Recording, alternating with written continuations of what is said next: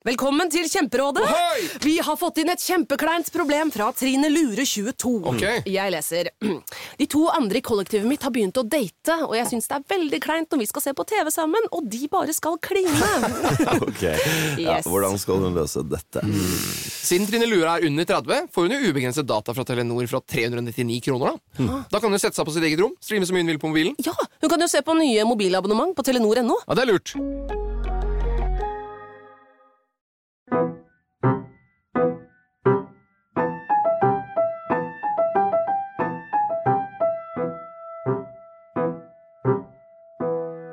Hei, du lytter nå til podkasten Frilanslivet, som lages av min kollega Hanna von Bergen og meg, Kristina Skreiberg. Vårt mål med denne podkasten er å være en faglig og inspirerende kanal for alle dere som jobber for dere selv i medie-, kunst- og kulturbransjen. Ukens annonsør er regnskapsprogrammet Fiken. Både Kristina og jeg har brukt Fiken i mange år, og det er fordi Fiken gjør det enkelt å føre regnskapet selv. I Fiken så kan jeg nemlig sende fakturaer, ta bilde av kvitteringer med Fiken-appen, jeg kan levere moms og næringsoppgaven, og jeg kan gjøre alt fra samme sted. Det gjør frilanslivet mitt lettere, rett og slett. Vil du prøve Fiken gratis i 30 dager? Gå inn på fiken.no. I dag sitter jeg sammen med billedkunstner Fadlabi. Fadlabi lager store, fargesterke malerier som er blitt vist som separatutstillinger ved annet Traf og kunsthall, ved Kunsthall Oslo som en del av serien Munch-museet i bevegelse, og han har skapt et maleri som dekket hele gulvet i det ene rommet i Kunstnernes hus, i tillegg til at han har vært med på en rekke internasjonale utstillinger. Hans aller første utstilling var i den sudanske hovedstaden Khartoum på slutten av 90-tallet, byen han selv vokste opp i, hvor han bodde frem til han var 27 år. Fadlabis kunst har gjerne referanser til Afrika, både i billedkunsten, men også i det meste annet han gjør. Han har malt et stort veggmaleri på Tøyen, et maleri av en somalisk astronaut som han håper kan inspirere barna på Tøyen i Oslo til å sikte mot sine drømmer. Han har også vært en del av en duo som sammen lagde Kongolandsbyen i Frognerparken i 2014, en utstilling som markerte 200-årsjubileet til den norske grunnloven, og som fikk masse medieoppmerksomhet og skapte stor debatt. Fadlabi driver Khartoum Contemporary Art Center i Oslo, en arena, eller en klubb, hvor kunst, musikk, poesi og dans fra Afrika og Midtøsten vises og knytter bånd med resten av verden. Fadlabi bor og jobber i Oslo. Han er 46 år gammel, han har tre barn, og han er utdannet i både maleri og political science fra Sudan, og har også en bachelor of fine arts og en master of fine arts fra Kunsthøgskolen i Oslo. Fadlabi vil gjerne ta praten på engelsk, derfor hopper jeg nå over til engelsk og sier hello, Fadlabi. Hello, hello. Well, as with every guest, I jump on Google and do lots of research before you guys come into the studio. And of course, I did that with you. And one of the things that came up was this article from subject.no that says, I think the title was like, uh, The artist that makes a lot of media frenzy with the art, but he rather talks as little as possible about it. And then, of course, I think like, okay, how is this going to be a whole hour? no, I I talk a lot, but uh, I think I think that that article specifically was about about some painting exhibition, and they were asking questions about details in the paintings, and that's just like uh, it's just impossible to to talk about those. I mean, you either paint it or or you or you write it, right? So. So it was there in front of them, but they they wanted it to be translated to words, and I couldn't do that. That's why you paint and not write. Or, yeah, you do write a bit as well, yeah, but exactly so. yeah. But I guess many artists get that or those kind of questions where it's like, what do you mean by this red line yeah, or by this blue area here? yeah. And and how how do you deal with that? Uh, I mean, I, like paintings, I, I, I, I normally don't talk about them, and sometimes I also like, uh, like in one show, I, I'll like weave, uh, like weave a concept that uh, that uh, consists of, uh, of of of various means of expression. So I could write an intro to the ex- to an exhibition, a painting exhibition, but then I will not talk about the paintings after that, like uh, or have a soundtrack for paintings, or use a smell in the in the gallery space uh, to help uh, to help. Uh, um, work with the painting somehow. Yeah, to like stimulate other senses and yeah, create an experience. Mhm. Why did you become an artist? I tried so many different things, and I think making art was the thing that I I, I sucked at the least. So I. Uh, I, I, I I studied political science in Sudan. I, I had my master's degrees in diplomatic studies, but then at some point I also tried to be uh, like I studied nautical navigation to be like a sea captain. Oh wow! Yeah, and I became a cadet. So I In Sudan? Yes, yes. I Oh, worked for Sudan. Shipping Line for something like six months or something, and then I was like, nah, that's not it. And after I came to Norway, and uh, after I was allowed to stay in Norway, I applied to the art academy, and I was lucky to come in. So, and I can actually like make living. Uh, it's not possible in Sudan, like to live out of your art, but here it is. So. But you did uh, go to art school in Sudan as well. Yes, I studied painting for a couple of years, but it was like it was like mostly like uh, just uh, the technicalities of painting, not so much theory. Uh, and with teachers from you know during the Cold War, so many of our teachers studied in the Soviet Union, or so they're really strict, like uh, realist painters, and uh, with very very strict like uh, uh, background in you know like drawing and painting and and that helped a lot actually when I came to Norway uh, and also confused a bit at the beginning because uh, like from being told what to do all the time to just like okay now you're at the academy do whatever you want to do and then you get very confused at the beginning uh, but uh, with that background later on, like in, in, in practical life, it was very helpful. So it was after coming to Norway that you really decided to go for art, or I was making money from from art even in Sudan, but it was like really, was like cheesy.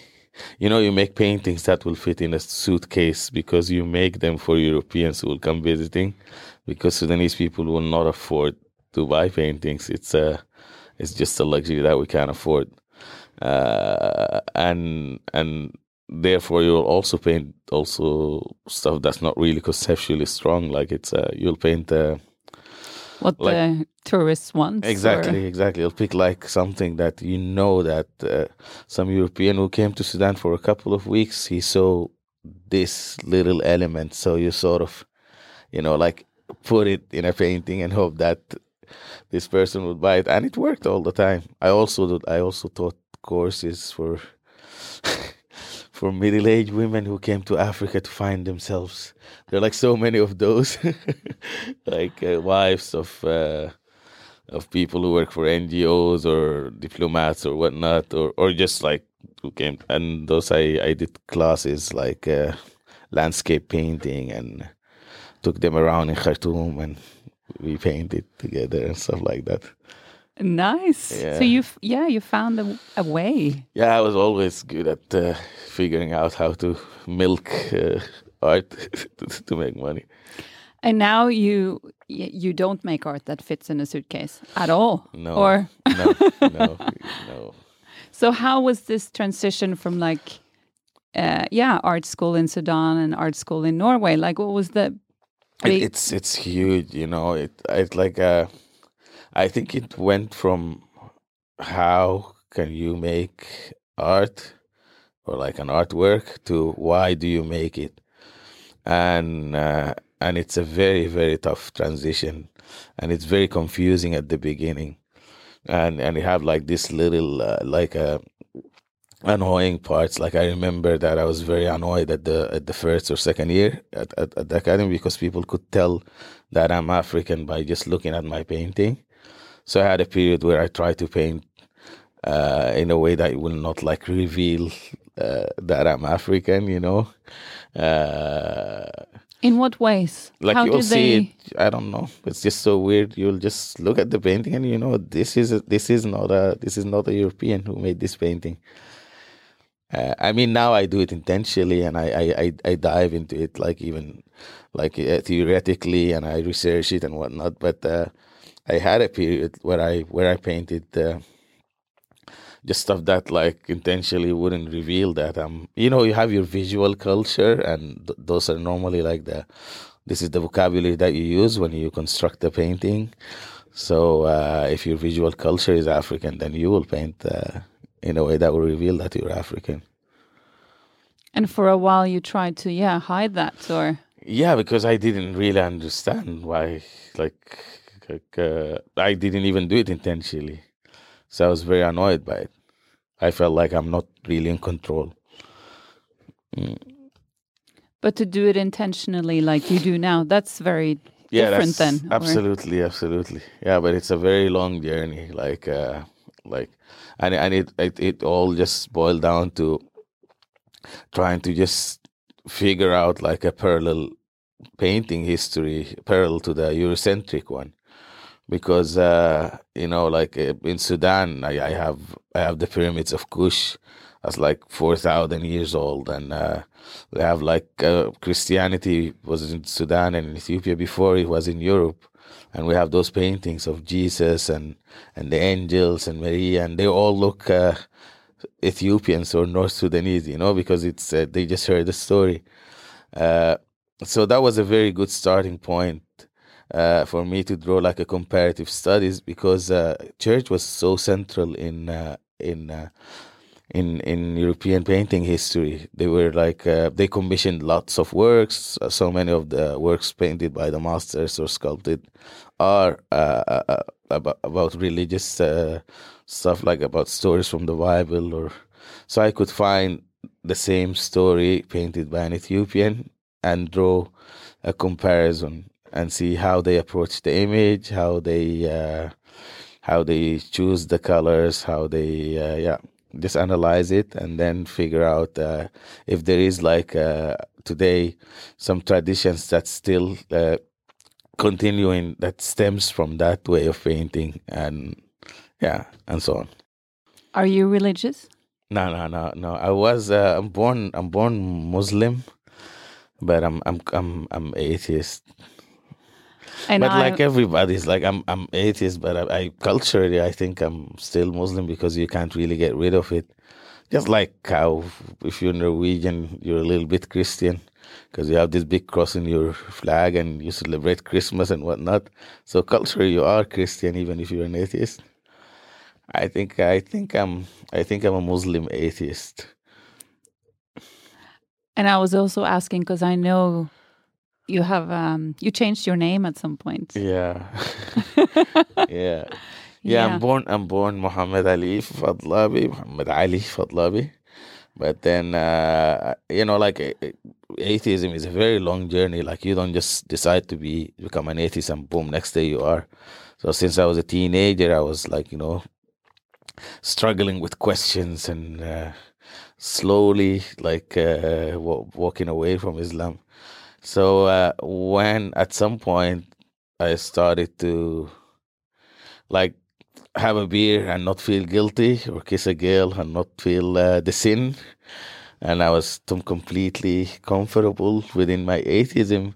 Then i thought i will just reverse what uh, what muhammad ali clay, uh, clay did. From from cassius clay to muhammad ali clay. It's, it's sort of a joke but uh, but i also like that dude. So i thought like yeah that's that, that would be funny to do so i changed my name to cassius from muhammad ali It's a beautiful name, Cassius.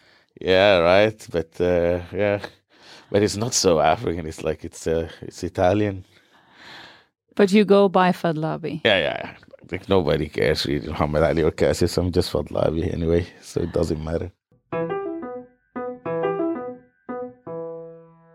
In Sudan, when you decided to go for the arts, did you get any reactions, like from family or? Um, no, yeah, of course. I, that's why that's why I studied political science. That's why I have masters uh, uh, in political science. My, father, he's a surgeon. You know, he's a he's a doctor. Like, uh, and and he thought just art is you know was like what kids do in their free time, and somehow what he says makes sense because like uh, like w- if we need something right now in Sudan, we need people to build bridges and to deal with malaria and uh, you know and like uh, COVID and whatnot. You know, like uh, uh, I don't know if there is like a place in the economy for art making.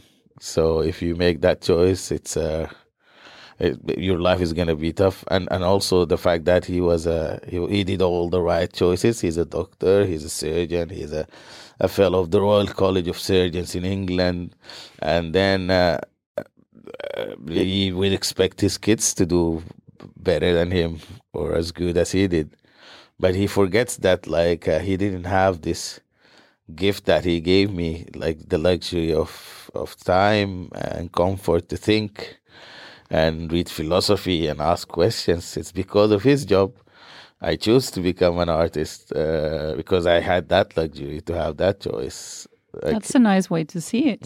That that he kind of gave you the possibility. absolutely he didn't have that he had to work his ass off but i i could I've read that you came to Norway as a political refugee. Can you tell us a little bit about those circumstances uh, i mean or why why you came here? Um, it's uh, it's not a, it's not really a, like an extraordinary story. It's it's the story of everyone who's born in the wrong side of global economy.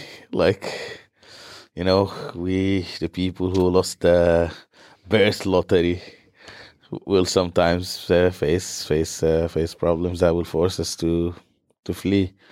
So I was uh, I was very in my university years. I was very active in the as a, as a member of the Communist Party in Sudan, and, uh, and I just got arrested over and over again and uh, tortured, and, and at some point I just had to flee the country, and uh, yeah, like just accidentally ended up in Norway, or luckily.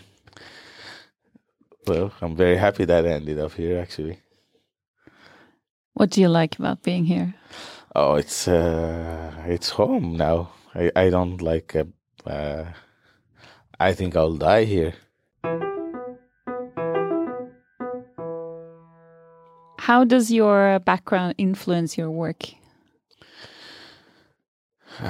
Or I mean, that's a huge question. I guess. yeah.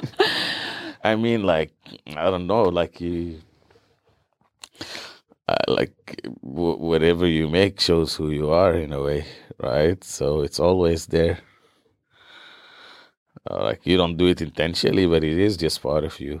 Like uh, I think now a big part of me is also Norwegian, so I think it also sh- also shows if I'm in Sudan, for example. Khartoum Contemporary Art Center in Oslo. Why why did you start this? Okay, so it's uh, uh it's uh, like I always wanted to have a contemporary art center in Sudan in Khartoum, but it's impossible. Like uh, we just like few months ago we had another military coup. You know, it's just it's just not easy to to have an art center there, uh, and I just didn't want to wait. So I thought, like, why not just as ma- make an art center in exile, but at the same time also adapt it to uh, to the fact that it's based in Oslo. So it's not like an attempt to integrate into Norwegian culture. It's a it's a it's a platform for for equal culture exchange.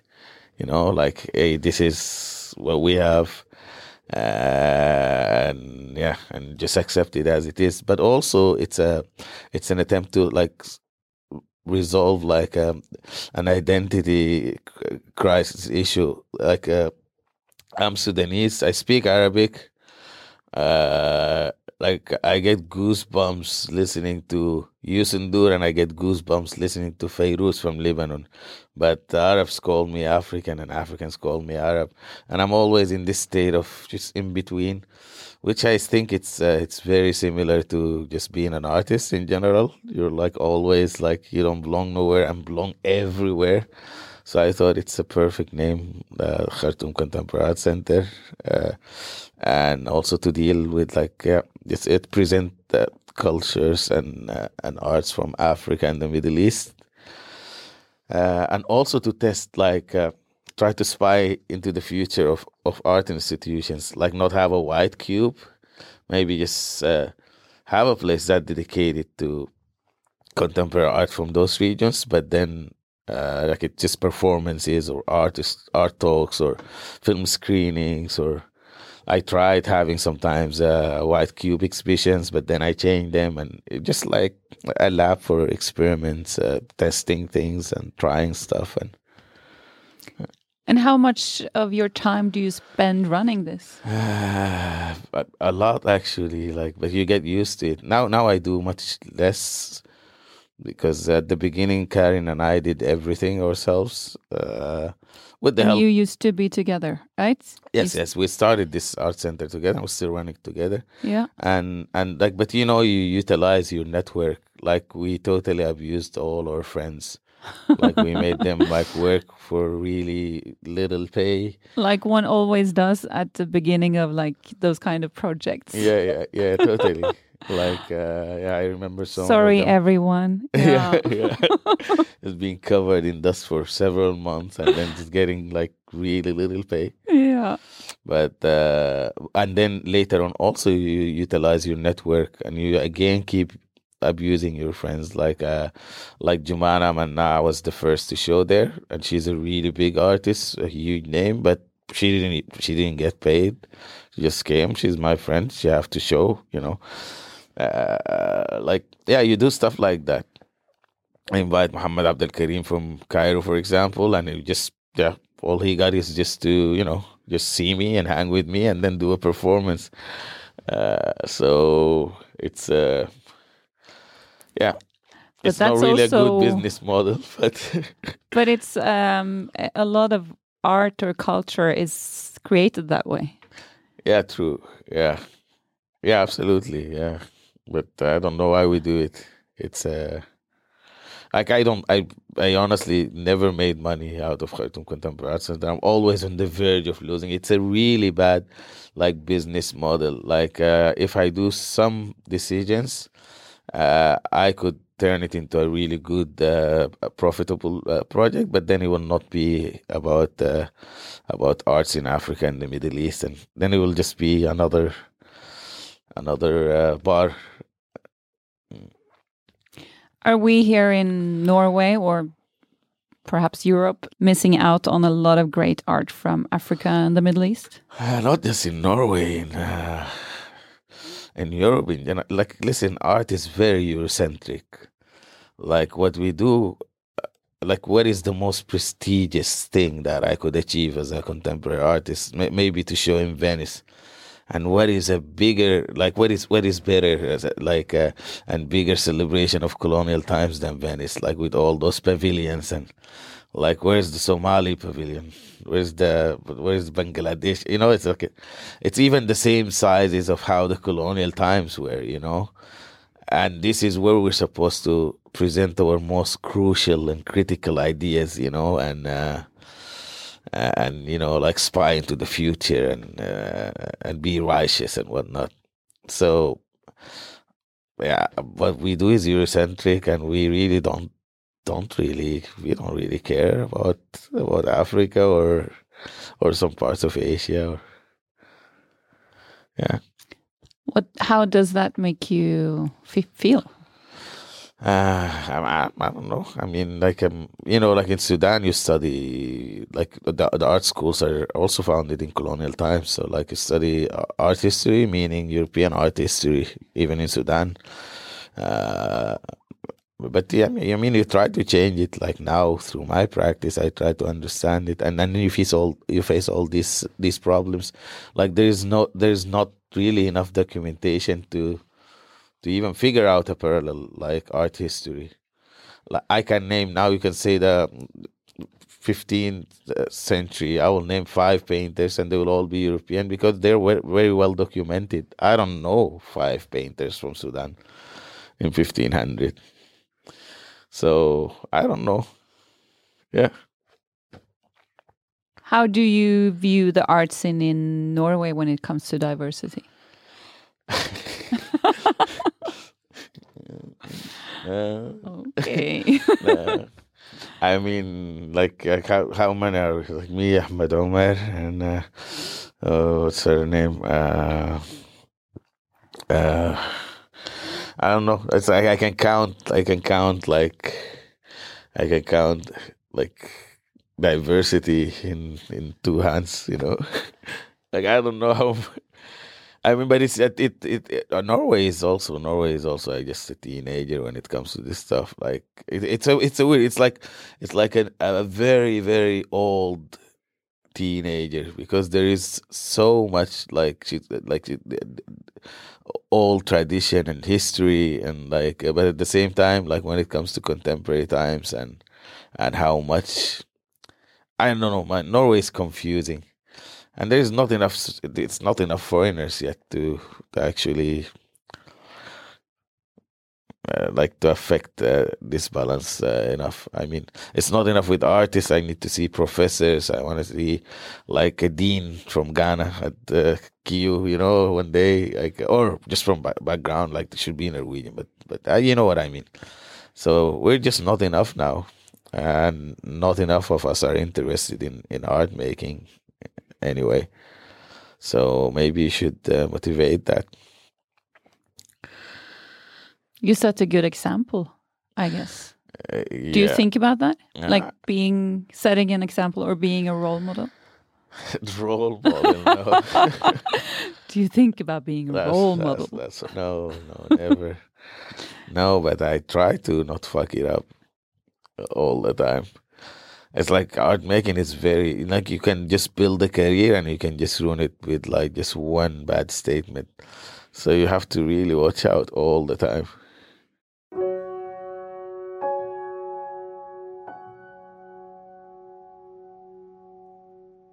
Ukens annonsør er banktjenesten Folio.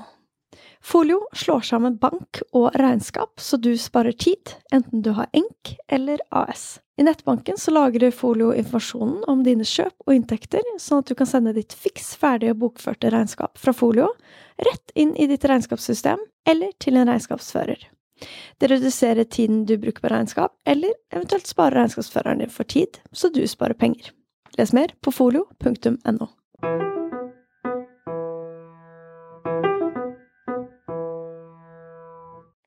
about that kind of because in 2014 you and artist Lars Cuzner I know this is No, no, years no. ago but you created an exhibition called Kongolandsbyn Yeah. in the Vigelandspark or Frognerparken Yeah.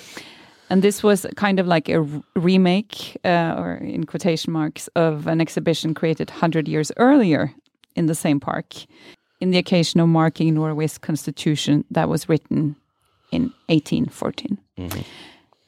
and in 1914, there was like a, a human zoo in the Vigelands Park where 80 Africans were flown in and they lived in like these huts in the park for months. And they were wearing like traditional clothing and people could come and look at them Yeah, yeah, like you do in a zoo. yeah. I hope also zoos get forbidden for animals at one point in the future. But until you guys kind of brought this to people's attention a hundred years later, uh, it hadn't really been on people's Yeah. minds. Yeah. And I there was mean- so much debate around this. And as you said, like one, you can say one thing. that could just destroy your career. Yeah. yeah. And I, how was this whole thing for you? No, that that that's not the type of stuff that will destroy your career. Actually, like uh, like uh, uh, so so so the whole project was about just trying to trace like the evolution of superiority or racism. And it's very simple. Like hundred years ago, it was easy. You're white, I'm black. You're better than me, and you're supported by pseudoscience like eugenics and scientific racism and and whatnot like uh, but today in Scandinavia we're egalitarian we're for women right and human right and gay right and like we're just but you still feel you still feel like uh, like like lesser than than you should. You know, like you still feel like uh, looked looked uh, looked down upon. But how, like how how, and then then after thinking and thinking, we just discovered that like uh, in this process of nation building, like uh, Norwegians or Scandinavians came to think of themselves to be so good at equality that I was not allowed to be equal to them. So it, it became like from uh, from like just uh, like uh, straight uh, stupid like old school racism to like moral superiority. Like we're just good at equality. Like we do this because it's the right thing. Like you know, you should never like you don't treat your women this way. Like you know, like you don't like you, you don't beat kids. You stupid the primitive African. You know, like you do stuff because because of your goodness, but somehow you just keep keep that balance as it is as it was hundred years ago. You know, like like I might face uh like what the, one of the first things that I I discovered when I came to Norway that I will I'll like uh I might meet like a feminist like who would be almost racist towards me because she'll think that she's defending the women of Sudan because I have a Muslim background, you know, and I, I might have four wives, you know, and like she sees she sees the enemy in me, if you know what I mean. So like, uh, like just these things, just to, to understand it, to to trace it, to follow its evolution, because it's it's not that simple. It's not that black and white. Uh, so that that project was necessary, and also it was my very very first like very very Norwegian project. It was a project about Norway, uh, but it was also the project that made so many Norwegians disown me in Twitter and whatnot. They were like, "This is they're not even Norwegian. Those guys, how dare they do these things?" And also, it was the project where where I get like threats from anti-racist and from neo Nazis at the same time. So, I think it was a good project. The news about it traveled to like Britain and Australia and China, Poland, etc., etc. And you guys were interviewed in several international media outlets. Yeah. How did you handle this It's- it's- attention? Yeah, it's it, it is like hands down. It is the most talked about internationally art project from Norway. Wow. It is like uh like at at, at- at, at the peak of it, like uh, it was just endless. Like uh, like we would have an interview with Hong Kong, and then we'll finish, and then we'll talk to Canada, and then we'll finish, and then we'll talk to yeah. And when and and in Twitter there will be like a Twitter war between Kenyans and Norwegians, like hashtag someone tell Norway because they think they're so racist they're gonna build like another human zoo to put brothers on display and then Norwegians will go like, but those guys are not even Norwegian, you know, and and uh, and we will go to South African people would know who we were, me and Lars. So it was uh it was it was madness. But I don't I don't think there is any other art project like in contemporary art in Norway that was talked about as much as Kongolandsbyen internationally. But how was it for you during kind of the s- the storm? Uh, stressful, like really, really bad, and I like. Uh, but we had each other. Like Lars, so many times wanted to quit because he was he being called like racist for the first time. That was so tough. Like for a Scandinavian, it's half Canadian, half Swede, and then somebody called him like you racist. It was like oh, he almost died. But he was also there was also all these funny things that's that's not supposed to be i think. I think the fact that it was me and him like uh, like confused so many people who had those ready made uh, like uh, f- slogans when they want to attack something you know? Because they are like you can't just you can't say that we're racist when i'm sitting next to Lars you know uh, it it was just confusing and and that was really good because also we wanted to test like we think that like uh, anti-racism is not really checked. There is no quality control for it. You just they just get taps on the shoulder, and they're just lazy, and they don't really do their job, and they don't evolve. Like racism is getting smarter, and uh, and you see it in the rise of the right wing now all over the West, and they're getting better at uh, arguing their their whatever uh, claims, and anti-racism is just lazy, like it just filled with righteousness that makes them very sound like conservatives. back How in the days. interesting. Yeah, they they sound like a, like as if I have the Bible in my hand. Now I have human rights in my hand. Like how dare you say this? They feel like so righteous, but they're actually they're becoming lazier. They're not so good at arguing for their rights. You They're know, lagging behind. Or... absolutely, absolutely. Don't you feel so? All right, I think that's a little scary.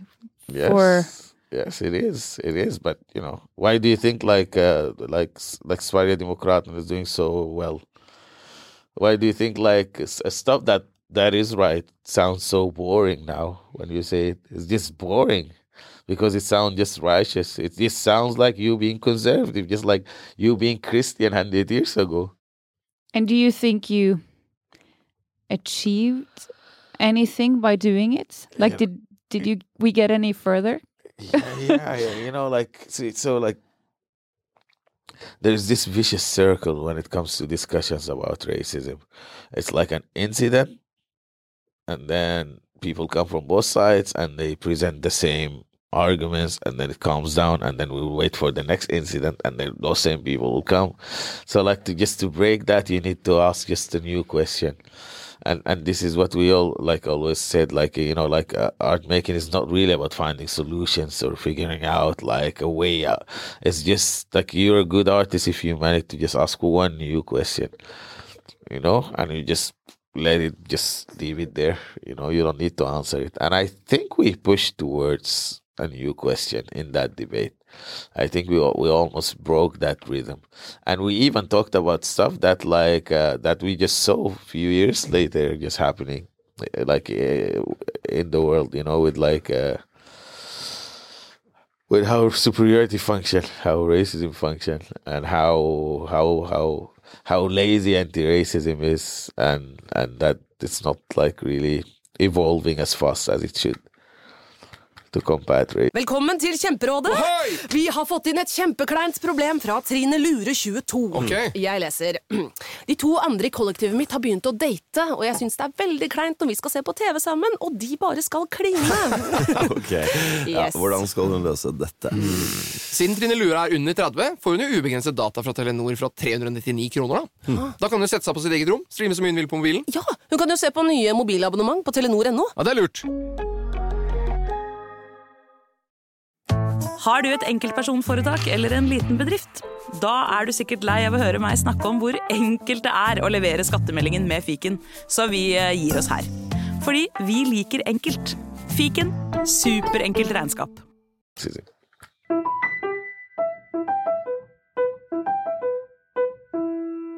Do you have a plan for your career? No, not really.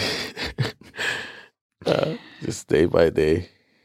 So you don't like set a vision for the next few years and this is where I'm going? You sort of do that, but like at the same time, it's like it's like uh, it's like surfing.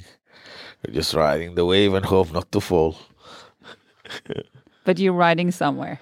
Yeah, hopefully. Yeah. But I'm going to continue. Do you set specific goals for yourself?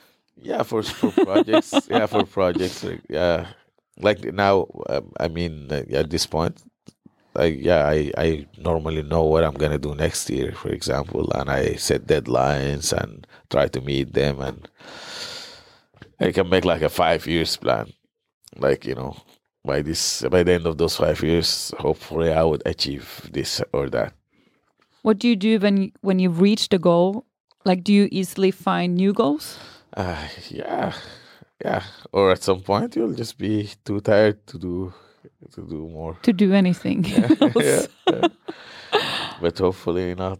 You know, like one of my idols, uh, Ibrahim Salahi from Sudan. He just had a show at the at the at the Taina Tegnerforbundet, and, and he, the guy is 93 years old, and he still like draw and have shows, and I hope to uh, I have to be like Salah, just keep going. And how is your like how's your rhythm when you work? Like how does a week look for you? Oh, uh, that's uh, that, doesn't exist. It's deadlines, it's projects and deadlines, and weeks that's full of work, and then weeks that's very lazy and and normally just like always being late to do what you're supposed to do, and then try to you know like do it. But do you let yourself be lazy and have those quiet times also? It's uh, yeah, absolutely. But also, like when you have kids and stuff, sometimes uh, you don't have a choice. Like they will, they will like, uh, they will uh, take their time forcefully from you. Like they would not like you have to be with them. Yeah, did having kids change you in any way as an artist? Absolutely, absolutely, uh, a lot. But I, I think it's, I think it's very unfair to to female artists. Like no matter what, like how much you try to do, like to achieve this equality, it's just it's just not a fair. It's not a fair thing. Like having a kid, we do very little. Thank you for the recognition. it's true. Yeah, I felt when I had my two kids that it was kind of just like pausing everything for a couple of years and accepting that things will take more time. Absolutely, yeah. And, And- see like people who are like uh, your classmates or colleagues just like whooshing by and becoming somebody and Yeah.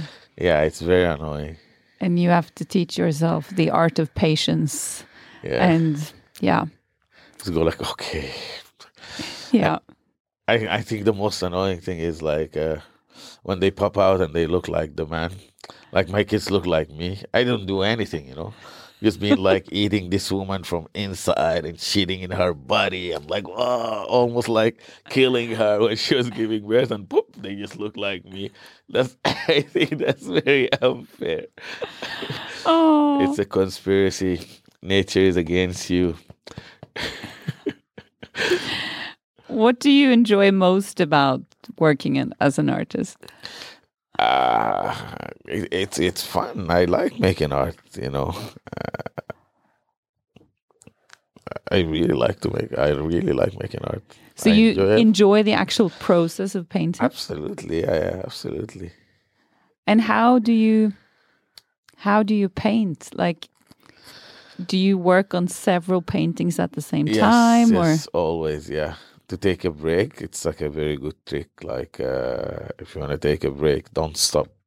Like put so many and then take a break uh, by painting on another painting. Yeah. yeah, it's normally four or five at the same time.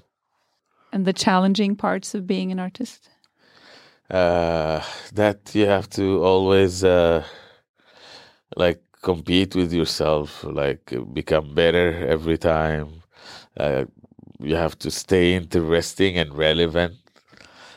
Uh, and if you like install an exhibition, and by the time you're like deinstalling it, you still like if you keep liking everything about it, then you should be alarmed because you have to start hating it in a couple of weeks later see the flaws so you can evolve you know like i would change this and that uh, so it's uh it's very exhausting. Like you, you think like it's so nice you can just choose what you wanna but you you don't you can't just choose. You have to do you have to do better than before. And you have to stay relevant. And that's very that's very exhausting.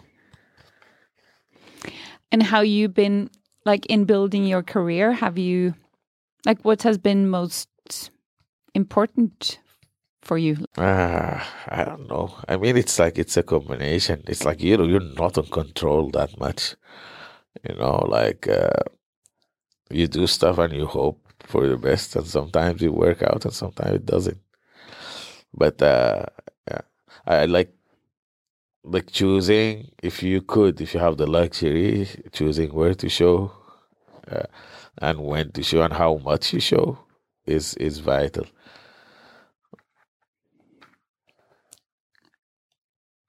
But it's not easy to choose that, is it? No, but at some point you can you can choose like how much at least. You know, like uh, I don't know. I don't know. It's like I don't know the recipe. I, I I'm not gonna sit here and pretend that like oh like it's very clear. The first thing you do is you do like it's it's not like that.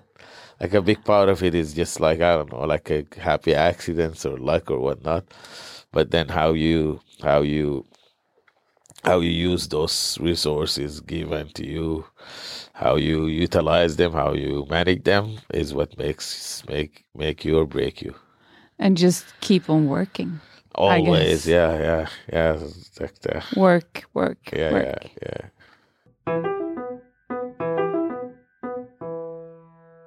This is a wall painting that you made at Tøyen, Yeah. How has that been to, yeah, first of all, have this huge wall and uh, to create this very nice Somali astronaut? Yeah, it's uh, you know, it's like I I never thought about I, about how popular it will become.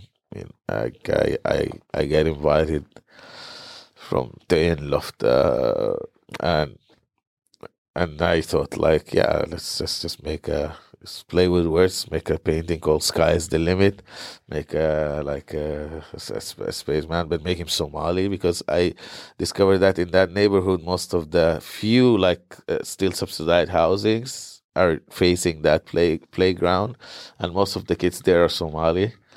So uh, yeah, it was it was really fun to make it, and and I think it became like uh, it's, like it's uh, kids from the end they they think of it as, as as part of their identity, sort of, you know.